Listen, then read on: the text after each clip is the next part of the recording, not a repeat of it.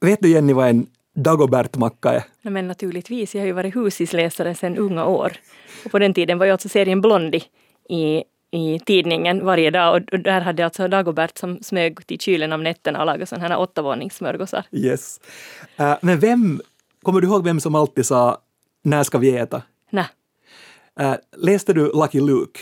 Du, det där är min blinda punkt. Ja. Alltså jag, jag, jag, är, där, jag är jätteokunnig när det gäller Lucky Luke. Ja, Där fanns ju bröderna Dalton och, Ja. och den här längsta av dem, uh, Averill, så han var alltid hungrig, så han sa alltid när ska vi äta? Och det där är ett av mina favorituttryck från serietidningsvärlden. Just det, men det är inte ett uppenbart serieuttryck. Man kan ju bara säga det för att man alltid är hungrig. Men jag, jag vet inte, jag skulle definitivt inte ha tagit den referensen. Nej, Men har, har du något favorituttryck? No, det är ju inte ett uttryck som har förekommit särskilt ofta, men jag tror att alla som var barn på 80-talet kommer ihåg meningen.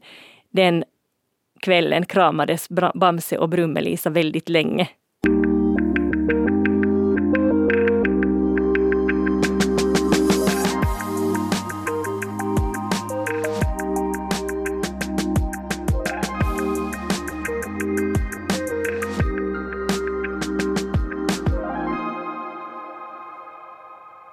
Smock, tjong och bang! Utropstecken. Näst sista ordet är här med mig, Jens Berg och språkexperten Jenny Silvin. Kvack! Kvack. Vilka språkdrag skulle du säga att det är typiska i serietidningar? Det är det som är typiskt för serietidningar, att de har ett, en väldigt stor ordvariation. Alltså allt är repliker, vilket betyder att man slipper sådana ord som, man ofta, som ofta upprepar sig, sådana här som, ord som för berättelsen framåt. Därför att alla de här bilderna finns ju, alltså alla de här orden ersätts av bilder. Så ordvariationen är jättestor och Ja. jättemycket interjektioner, Ja. utropstecken. Alltså usch, bla, aj, den typen av Ja, och sen dessutom så är ofta den här grafiken, alltså bilden på något sätt stöder det som sägs. Om någon kan säga liksom nå- någon som blir hjärtekrossad så kan till och med hela repliken ersättas av ett hjärta som går i kras. Mm. Eller någon som sover, så då, då, då, då sågas det grejer. Ja, och sen ser man stjärnor eller släpper ur sig dödskallar. Det är sant. Dagens gäst ska vi nu välkomna. Han är en riktig serietidningsfreak. Välkommen till näst sista ordet, Axel Åman. Tusen tack, roligt att få vara med och, och att få vara i epitetet serietidningsfreak. Är inte okej då? Du har ganska många epitet skulle jag säga. Jag, jag, jag, jag har dras med lite för många epitet nästan, men det här lägger jag med glädje till raden. Och det är nog korrekt, det är absolut korrekt. Författare är en annan grej man kan säga om dig. Artist, medlem i humorgruppen Kai. Har en stor succé på gång på Vasa Teater som, som bäst. Det här är också grejer som, som man kan räkna upp om, om dig. Men, men, men ditt förhållande då till, till serietidningar, hur, hur, hur- hur ser det ut eller hur har det sett ut Axel för dig? Eh, det, det har alltid varit en ganska passionerad relation. Eh, serier har ju öppnat sig direkt för en som barn eftersom man inte behövde kunna läsa för att förstå vad som hände. Och sen även när jag började läsa så tycker jag det var ett jätte, jättebra och viktigt komplement till, till som vanliga böcker. Och eh, jag tror, jag har tänkt en hel del på det på sistone, hur mycket är troligen har påverkat sådär ens eh, sätt att se berättelser. Att jag har ganska sådär... När det var en korrläsare, när jag skrev, gav ut min första bok här för ungefär ett och ett halvt år sedan, så sa en korrläsare att du skriver som filmscener egentligen. Och det, Okej. det är sant har jag insett. Och det kommer troligen också från att jag, jag har en tendens att se historiskt ganska mycket i bilder Ja. eh, i, i, som i mitt huvud. Och, och man kan ju spekulera att det har att göra med att jag har läst mycket serier. Och en serie är ju i princip som en, en storyboard, alltså det man gör till en film när man vill som lista ut hur kommer den ungefär att se ut. Mm. Så, eh, och, och det är ju någonting med just det här som, som Jenny var inne på, du kan kombinera bildberättandet så starkt och sen använda dialogen eller pratbubblorna då på ett helt eget sätt. Det, det är som väldigt kreativt och fritt. Ja. Ha, har, du, har du favoriter bland serietidningar eller, eller vilka är liksom sådana som du, som du tycker att har, har präglat dig mest eller vilka har du tillbringat mest tid med? Um, jag tillbringar nog enormt mycket tid med eh, Tintin. Ja. Eh, den upptäckte jag på Bibban. Och le- de har nästan alla, det var några sådana där några album som jag inte fick tag i på Bibban som jag har läst först i vuxen ålder och det var ganska magiskt. Men men jag, det, det är nog en som jag alltid återkom till. Och jag har till och med tatuerat äh, det här ähm, Kapten Haddock har jag på min vänsterarm. Okej. Okay. Det är en hedersplats. Så, ja. Verkligen. Och han väntar på att få, få, få, eller som få, få Tintin eller kanske Fantomen dit som mm. kompis ännu.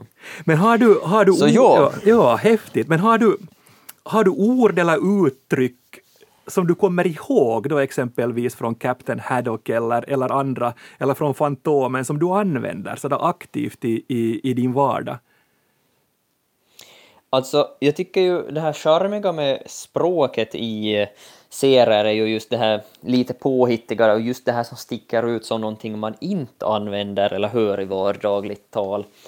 Uh, av Haddocks svordomar så är ju anfäkta, anamma, mm. bomber och granater de absolut mest kännspaka mm. och flitigt använda.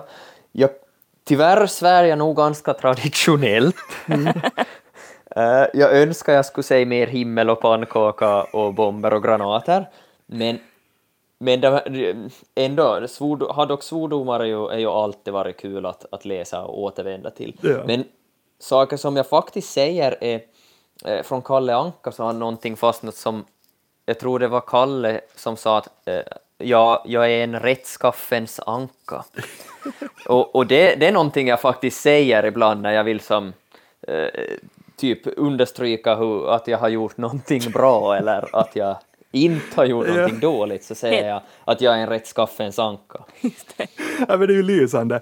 Uh, vi, ska, mm. vi ska nu dyka in i alla publikkommentarer vi har fått. För vi, vi frågar alltså då på Svenska Yles Facebook-konto vilka ord eller uttryck från serietidningar använder du i ditt vardagliga språk? Och vi fick in cirka 150 kommentarer och vi tänkte, Axel, en sån här liten grej med, med Jenny, att du bland alla de ord och uttryck som nämns idag får utse en ny favorit eller ett, ett ord och uttryck till som du tar in i ditt aktiva ordförråd till exempel då parallellt med rättskaffens anka. Så att om det här låter okej okay för dig så, så dyker vi in här nu i alla de här kommentarerna. Och om man ser på, på de här 150 kommentarerna så är det framförallt tre serier som har påverkat vårt språk mest. Och då håller vi oss till svenska idag, det kan vi säga som en liten disclaimer här. Det finns ju förstås en massa ord och uttryck på andra språk också. Men tre serier, och det är Kalle Anka, Fantomen och Asterix. Och sen kom det också då, precis som, som, som Axel sa här, en hel del från Captain Haddock i Tintin. Men honom tar vi äh, inte idag så jättemycket, för vi har talat om honom när, när det gällde svordomar och Axel kommer några exempel här också. Så vi börjar med, med Kalle Anka. Och de tre mest populära äh, uttrycken eller orden från Kalle Anka som har fått flest omnämningar bland publikkommentarerna så är Långt bort i stan, Läskeblask och Uschia mig. Just det, och det lär dessutom mm. uttalas Ushia mig. Ushia mig? Jag måste slå upp det här för jag tyckte någon sa Ushia mig. Alltså det, det, det är så det ska uttalas. Okej. Okay. Men vad säger, vad säger du Axel om de här, långt bort i stan, läskeblask och Ushia mig? Är det här någonting som, som är bekant? Uh, ja, absolut. Uh, Kalle Anka är ju den som kan... Uh, ja, alltså, alla de här som räknades upp, Kalle Anka, Fantomen, Asterix, är ju, är, ju, är ju som giganter i det här att, att påverka språk, tror jag. Mm. Så speciellt Kalle Anka har ju varit... Och, och de här påhittade och, bra som ordvitsnamnen på kändisar och länder och platser är, ju, är ju jättefina alltid. Och långt bort i stan är nog, det är nog ett som jag kanske faktiskt har använt också på riktigt. Läskeblask har man nog också använt. Mm. Ushia mig har jag hört, men inte Nej. använt skulle jag säga. Nej. Men, ja. men och också, också uttalet där, jag skulle också ha farit in på det här uschia mig på ja. något sätt. Ja. Men det, en av mina favoritorter är ju avskyvärd. Hur var den? Hur var den? ja. det är nämligen alltså det är en, helt underbar serie av Karl Barks, en av de riktiga klassikerna som heter Vilse i andarna där äh, Kalle, farbror Joakim och knattarna går vilse i andarna och hamnar i en värld som heter avskyvärld. Men det som är så fint mm. är det är på något sätt jättefyndigt översatt. För, för i originalengelskan så hamnar de på en slätt, alltså den här avskyvärd är en slätt och den heter Plain Ofo. Just det. Vilket betyder å andra Ja. sidan plain is lätt, Ja. men sen betyder det alldeles förfärligt. Ja. Det är ganska briljant egentligen, på båda språken. På båda språken, det är liksom så snyggt översatt. Alltså det där när, ja, när en översättning verkligen lyckas överföra skämtet och budskapet, det, det är ju ingen självklarhet alls. Nej. Du var inne, inne på det här med, med just också omskrivna namn, Axel. Det finns ju en hel lång lista på, på dem också. Vi har fått in ganska många kommentarer. Eh, simbassänger, alltså Kim Basinger, Golf Dumgren, Dolph Lundgren, Opera Vindfri och Bosse Sprängsten, Tommy Krusbär, alltså Tom, Tom Cruise, och Jan Frivolta, John Travolta och Mel Nebson, Mel Gibson. Det är de här du tänker på Axel. Alltså det, ja, absolut, är de jag tänker på, är de jag tänker på. De är ju inte alltid alltså, är ju, faller ju, som ofta med ordvitsar faller ju in under kategorin ganska dåligt men ändå lite kul. Men en Ja, annan ju ordvits, grejen. Ja. En annan ordvits som jag tycker var så ljuvlig för att den dessutom alltså, det, det blev en helt så här diss till en serietidningskollega. Alltså att knattarna lekte jättevilda lekar och, och de hade alltså läst äventyrsserier. Och farbror Kalle tyckte att, att eh, de, de härjar för mycket, de borde läsa lugnare serier som till exempel Apan Tramse och hans vänner. Och då hade knattarna dissat den och tyckt att nej, nej, den är för mesig. Och sen hade de sagt att det är ju dessutom helt larvigt med djur som kan prata. Så det fanns liksom den där metanivån. Det var den här metanivån, det blev liksom inte bara en ordvits utan det blev bara liksom en, ett, en härva av skämt som jag tyckte var grymt roliga. Ja, Ja, vi har ja, några publikkommentarer till här också. Mm, Heidi skriver att hon i sin vardag brukar säga att eh, jag har tomt i min pengabinge. Och det är ju också någonting som, som Kalle brukar, brukar säga, framförallt när han, när han snackar med Joakim von Anka och kanske vill ha på ett eller Det är någonting. roligt att Heidi lite så antyder att hon har en pengabinge. Det är sant. Eh, Anders skriver också här eh, ett favorituttryck han har tagit från Kalle Anka, så är att eh, skriva under någonting med 32 september. Eh, det hade varit farbror Joakim som skrev under ett kontrakt med det här datumet 32 september för att han inte då skulle kunna ställas till svars för det här kontraktet. Peter har skrivit in här också ett festligt ord. Vubbelförknysare brukar han använda. Det här är från Kalle Anka också. För alla konstigheter jag inte förstår mig på i bilmotorn och det här med vubbelförknysare så har funnits i några Kalle Anka-serier. Det är någon speciell manik som man aldrig får riktigt reda på vad det är. Och äh, Axel, jag, när, jag, när, jag hörde, eller när jag läste det här ordet vubbelförknysare så kom jag att tänka på Kai, din, din humorgrupp, eller den grupp du är med i. Är, är vubbelförknysare ett, ett Kai-ord? Alltså, inte, inte exakt så, men, men sådär, eh, det känns ju som någonting man skulle kunna använda just för, eller man fattar som direkt vad, vad det handlar om, att, att det är när, när man som bara hittar på ett ord för att, att lite peka åt ett håll. Och, och sådär som när man öppnar en, en motorhuv och inte har en aning så känns det nog som en vubbelförknysare kommer som snabbt till en verkligen. Ja. Jag tänker just Nära till hands. Ja. så. Men jag tror att din, din pappa i, i novellen Verktygsbacken i Klein säkert vet vad det är för någonting. Ja, ab- absolut, absolut. Där, där, det, det, jag kom att tänka på den berättelsen just också, det här när man kanske känner sig lite handfallen när det kommer till, Ja. till de här eh, praktiska göromålen Ja. på en bil framförallt då. Men sen skulle det också kanske kunna vara, vara på det sättet att, att det är en av de här ABC-gubbarna som har svar på, på allting, som sitter med sina, äh, med sina kompisar och dricker, och dricker kaffe och, och mansplainar. Så, så jag, jag, jag fick en, en, mm, en textrad som började sjunga i mitt huvud nu och nu får du Axel säga vad du tror om den här. Det här skulle kunna bli en, en ny Kai-hit. Ja, det skulle kunna gå så här. skulle kunna gå så här. Eh, en bil hade stannat i ett dike i Orvas. Han hade fel. På vubbelförknysaren. Ja. Eh, en, en, kanske kanske lite, lite att jobba på en melodi och rytm, men att, att sådär, vi, vi, har, vi har en början. Och, var, och, och jag, jag har gjort låtar med mindre historia än sådär, så att it can be done. Men, men, men hur, hur är det med den här mm, med Kalles och skruttomobil? Det har vi fått in också en kommentar om att man använder om sin bil skruttomobil. Är det någonting som, som ni Jenny eller Axel brukar använda er av? Nu ska vi se när Axel... Jag brukar nog ja, säg bara. Jag tänkte just när Axel sa att du önskar att du svor som kapten Haddock men du svär mer traditionellt så jag brukar nog också kalla min bil för något lite mer traditionellt mm. tabubelagt än så. Mm.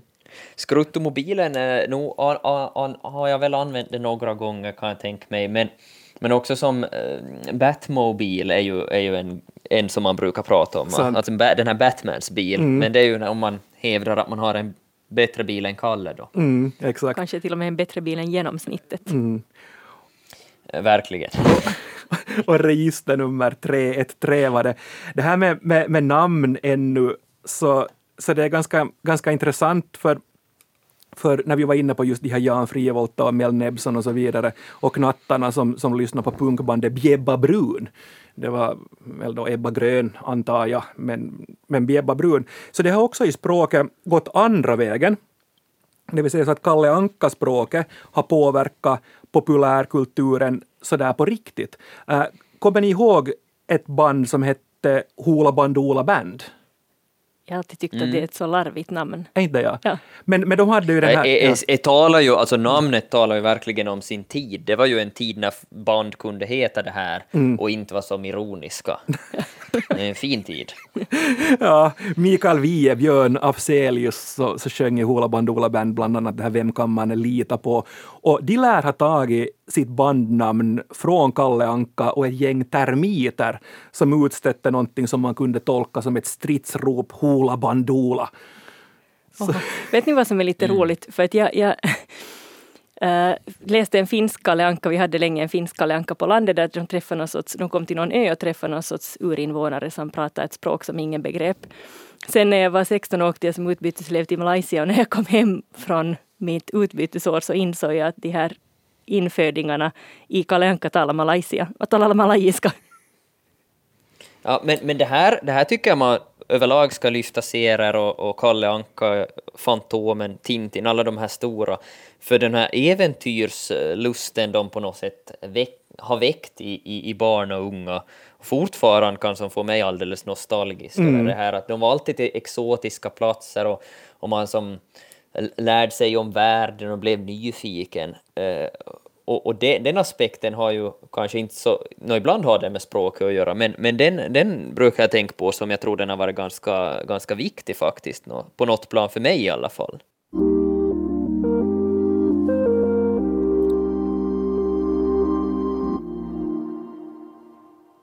Vi går över till Fantomen. Mikael har skrivit så här. När jag tycker att jag har sagt någonting klokt brukar jag tillägga gammalt djungelordspråk. Och det här är alltså då från Lee Folks skapelse Fantomen. Va, vad säger du Axel för det första om, om Fantomen och alla, alla de uttrycken? Har du favoriter där? Uh, jo, där, där uh, det finns två så, alltså det finns mycket jag älskar med Fantomen och har läst i tiderna. Sen kan jag, jag prenumerera ganska länge, jag hade ett avbrott på, på no, kanske sju år eller någonting här, i, som i tonåren till typ 20 två mm. eller tre. Och sen så har jag prenumererat flera år igen, men jag slutade nyligen för jag, jag började tycka de drog mycket repriser och den kanske hade inte åldrats så väl som, som man skulle vilja. Så mm. det är mm. lite sån där, jag tog ett steg tillbaka och går till the classics. Mm. Så, men jag har, jag har en fin relation till Fantomen och språkligt så, det, det som jag absolut använder mest är nog den här, ibland går han på stadens gator som en vanlig man. Yes. Den är så, så komisk och, och säger man det om sig själv eller en kompis eller någon så blir det som Ja, det blir, det, blir, det blir komiskt, det blir en fin stämning direkt. ja, men de kryllar ju, alltså, det där är en jättebra poäng, för, för Fantomen kryllar av just de här uttrycken som du kan krydda in eller skriva i sociala medier eller, eller i ett meddelande annars bara till dina vänner eller, eller använda sådär i familjen eller med sina vänner. Alltså, jag, tycker, jag var mhm. aldrig någon stor Fantomen-fan, för jag har alltid uppfattat Fantomen som lite humorfri humorlöst. Men sen så blir det just det, på grund av de här lite högtravande och pompösa uttrycken så blir det lite, lite så ofrivilligt komiskt. Ja, det kan hända det. Så. Jo. Han har ju som en sorts pappahumor, en sån där torr humor som och han är ju en pappa också, han har ju tvillingarna och sin adoptivson och, och det här. Och, och jag tycker alltid när som Fantomen i sig är rolig så är det på ett sånt där riktigt pappasätt. Ja. Och, och så kommer han in i en bar och han beställer alltid ett glas mjölk. Och bara det är ju också, det är ju en klassiker. Ja, det är En sant. sund förebild. Ja, men här, vi, kan ta några, vi kan ta några publikkommentarer, de passar bra in på det här. Lennart har skrivit Det är ingen hund, det är en bergsvarg. Och, och Su- Sune hade, hade just den här Axels favorit här om, om, om en vanlig man på stadens gator och Christer har skrivit När Fantomen springer står blixten stilla. Och, och sen finns det just av de här andra också som, som man kan ta till i vardagssituationer. Som, som du kan, Axel, när du, när du snarvlar med dina kaverin så kan du säga du hittar aldrig Fantomen, han hittar dig. ja. Eller då Fantomen frågar svarar man. Fantomen är hård mot de hårda. Det är liksom den här typen av, av, av grejer som är typiskt för Fantomen. Ja, Men han är ju en sån här gammal actionhjälte på alla dess sätt som man känner igen. Är ju, är ju en, sen, sen finns ju den här väldigt kolonialistiska White Savior-problematiken som är ju, är ju avdelning för en helt egen podd. Men, men that aside så har han levererat många, många fina eh, one-liners. Och, just, och när Fantomen talar isar blodet. är ju, Det finns också, ja. Sen har, ju, sen har ju Fantomen också tillfört svenskan ett helt officiellt nyord, alltså ett helt nytt ord som har kommit till officiellt i, i svenskan på, på 1960-talet. Djungeltelegraf. Just det, när man hör någonting ryktesvägen. Ja, Enligt djungeltelegrafen ja, kommer det att ordnas en fest. ja, för att det var väl då trummor och från by till, by till by. Så från Fantomen så har vi fått, alltså ett, fått ordet djungeltelegraf. Det är ganska häftigt tycker jag. och det är ganska, alltså det känns som verkligen ett etablerat ord. Ja, visst det. Det gör det. Vi ska gå över till Asterix om det passar för er. Asterix, Asterix har också varit en inspirationskälla för många ord och uttryck. Till exempel Tommy har skrivit in här om ett, ett uttryck han använder. Absolut perfekt. Det var Obelix som sa det när han var rejält berusad en gång. Hur, hur är det med Asterix och er? Nej, det är ju min favorit. Okej. Ja, alltså, alltså Kalle Anka har jag läst mest för det var den här som kom varje vecka i brevlådan men Asterix är, är min Och favoritserie. va, varför blev den det? Eller varför är den det? Jag tycker den är fyndig, den är rolig, den är underbart illustrerad. Alltså bara det här liksom, och den har ju en, en väldigt så begränsad eh, tematik. De ger stryk åt romarna och äter vildsvin. Och, och, och Trubadix sjunger illa och Obelix vill ha trolldryck fast det får han inte för han föll ner i trollgrytan när han var liten. Det är liksom, på samma sätt som barn älskar upprepning så älskar jag upprepning och det förutsägbara i Asterix. Ja. Samtidigt så är det alltså ändå lite, off- det är liksom alltid lite variationer på det här samma temat. Det finns det liksom en underbar serieruta där så här, det står en romare och så säger gallerna anfall. Och sen Ja. blir han anfallen, överfallen av, av gallerna. Det, det är bra. Den är, det är ju en fantastisk serie och det var just, jag håller med dig där, det var en favorit som man, man, man fick inte lika lätt tag i den och det har ju nog skillnad. Uh, det Bibban levererar och med min Momo och Muffa så fanns det typ tre album och de har jag nog tummat helt sönder. Ja. Eh, så det, men det är någonting med det här, just den är, den är äventyrlig men den är pålitlig. Ja, det är sant. Mitt första album var Asterix som gladiator och det var liksom inkörsporten till ett upptakten till ett tungt beroende. Okej, den var, var det första gratis? Ja, jag tror det. det kan hända det. Ett, ett uttryck, eller Asterix kryllar då av latinska ordspråk och, och citat och ibland är de här då autentiska från historiska personer, ibland är de modifierade och påhittade. Det kanske mest klassiska som vi har fått in här också, de är inte kloka, de där romarna. Och det var alltid liksom ett stående, en stående kommentar till romarnas påhitt. Och jag tycker det är roligt för att alltså, mina studenter diskuterar Anna-Lena Lauréns bok De är inte kloka, de där ryssarna. Och de tyckte att den var på något sätt jättefräck den här titeln.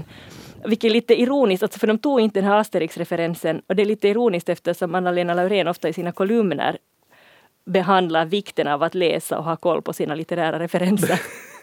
Det är sant, ja. Mm. Sen, sen Där- där- ja, förlåt, där- fortsätt. ja. Nej, jag bara, jag bara slog mig att, att där undrar jag om, om Jenny, har du, en, har du en tanke kring det här att hur serier måste ju, och speciellt de här gamla klassikerna, de börjar ju vara ganska till åren, Tintin och Asterix och de här. Är det sånt som börjar falla bort som hos uh, yngre idag? Eh, jag vet inte, alltså de skärmar ju så mycket att de knappt läser något. Men jag minns att det var en tid som jag läste Asterix högt för min dotter. Eller vi läste dem tillsammans och det, var nog, det gav nog upphov till många glada skratt. Sen är det är ganska intressant också från Asterix. Det mest kända ordet är bauta, tror jag. Det har kommit in många kommentarer Mm. kring, kring det också. Och det här är en hel vetenskap. Ja, för att det, jag, jag hittade, det har skrivits en, en doktorsavhandling om ordet bauta, eh, Susanne Haugen vid Umeå universitet. Och, och riktigt i korthet, så ordet bautasten lånades in i svenskan från fornisländskan på 1600-talet och då betydde det en sten som var rest över någons minne. Men i och med Asterix och Obelix så skedde en betydelseförskjutning och bautasten blev då synonymt med en stor sten. Sen, följande steg, så började man använda bauta synonymt med stor, typ att han är bauta. Och nu finns bauta med som förledjord som bauta stor, bauta mage, bauta portion. Så det här har vi Asterix och Obelix i princip att tacka för. Att ett gammalt ord togs till heders igen. Ja, ganska häftigt. Använder du Axel Bauta? ja. Jo, absolut. Det, det, det, är en sån där som man, det, det är precis som djungeltelegrafen, man glömmer bort att det, att det är därifrån det kommer. Jag Ja. hade, jag hade en tid som projekt att jag skulle läsa Asterix på franska. Det krävde för mycket så det projektet föll bort. Men jag lärde mig orden menir som betyder alltså bautasten, alltså det är en, en sån här obelisk. Och eh, sanglier som betyder vildsvin. Så centrala. Men däremot så alltså de här namnen på de romerska lägren var länge helt komplett nonsens för mig. Alltså akvarium, det förstår man ju att det är lite kul. Och laudanum lär vara någon sorts hostpreparat. Men lillbonum och babaorum, så de var helt, helt liksom nonsens för mig tills jag lärde mig franska. Och då inser man alltså att petit bonhomme, alltså det stavas då petit bonum, men det uttalas lika som det franska ordet petit bonhomme som betyder alltså en liten herreman, en liten gubbe. Så därför, då blir den rolig. Och, den sku, eller, och sen den här baba au rom är en romkaka, en fransk dessert. Så jag tycker att de borde ha översätts annorlunda, översatts annorlunda till svenska, till exempel sammelsurium eller varför inte bubbelgum. Sant. Äh, Axel, nu har vi kommit så långt här i näst sista ordet att äh, du får nu välja ett ord eller ett uttryck från alla de som har nämnts i programmet och ett ord eller uttryck som du eventuellt kommer att ta in i ditt aktiva ordförråd parallellt med rättskaffens anka. Ja, ja. Mm. Eh, en äro, ärofylld uppgift. Visst ja. Alltså, men det som... Det som kanske tilltalar mig mest här är nog kanske att jag skulle lyft in det här vubbelförknysare. Yes. Den, är, är nog, den har ett användningsområde ganska tydligt i alla fall. Ja, det finns en beställning på det, framförallt Ja. liksom i dagens IT-värld också. Det är sant. Att vad, är det, för- vad är det för fel nu på kopplingen? Och det är nog den här vubbelförknysaren igen här. Låter man kunnig. Ja, man gör det. Ja, ja verkligen. Ja, perfekt. Och sen- Äh, ja, förlåt, säg. Nej, och, och det är ingen hund, det är en bergsvarg, är ju fantastisk också. Den, den fastnar nog alltså. Mm, de båda är bra. Eh, som avslutning på, på varje avsnitt så plockar vi fram det bortglömda ordet och idag kommer faktiskt det här ordet som undantag, eller undantagsvis från en av våra publikkommentarer. Marcus nämner ett ord som används i serietidningen 91 bövelen eller förbövelen. Kommer ni ihåg det? Alltså, är det, ja. Absolut. Ja. Inte vet jag varifrån, men det här kan man ju... Alltså, ja, kanske det är 91 men förbövelen, det, det, det är ju, hör ju till... Det ska man ju kunna. Det använder jag ju också aktivt. Ah, du gör det Ja, ja. faktiskt? Ah, Okej, så då är det inte ett bortglömt ord för dig, men för, Nej. mig, för mig var det.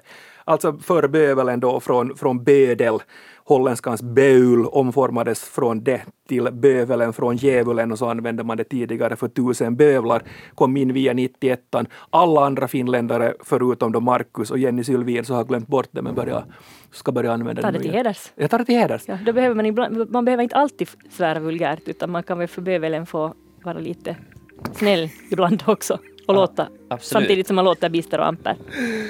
För bövelen, tack Axel Åman för att du besökte oss idag. Det var jätte, jätteroligt att ha dig, ha dig med här. Ja, det, det, var, det var vackert att få vara med. Jag gick igång på, på många cylindrar här, så, så jag skulle kunna prata länge ännu, men kul att få vara med. Och tack hör ni alla också för eh, era kommentarer. Det finns förresten en artikel på svenska.yle.fi där ni kan läsa om fler publikkommentarer och läsa mer om språket i serietidningarnas värld. Men nu för den här veckan säger Jenny och Jens morgens! Morgens!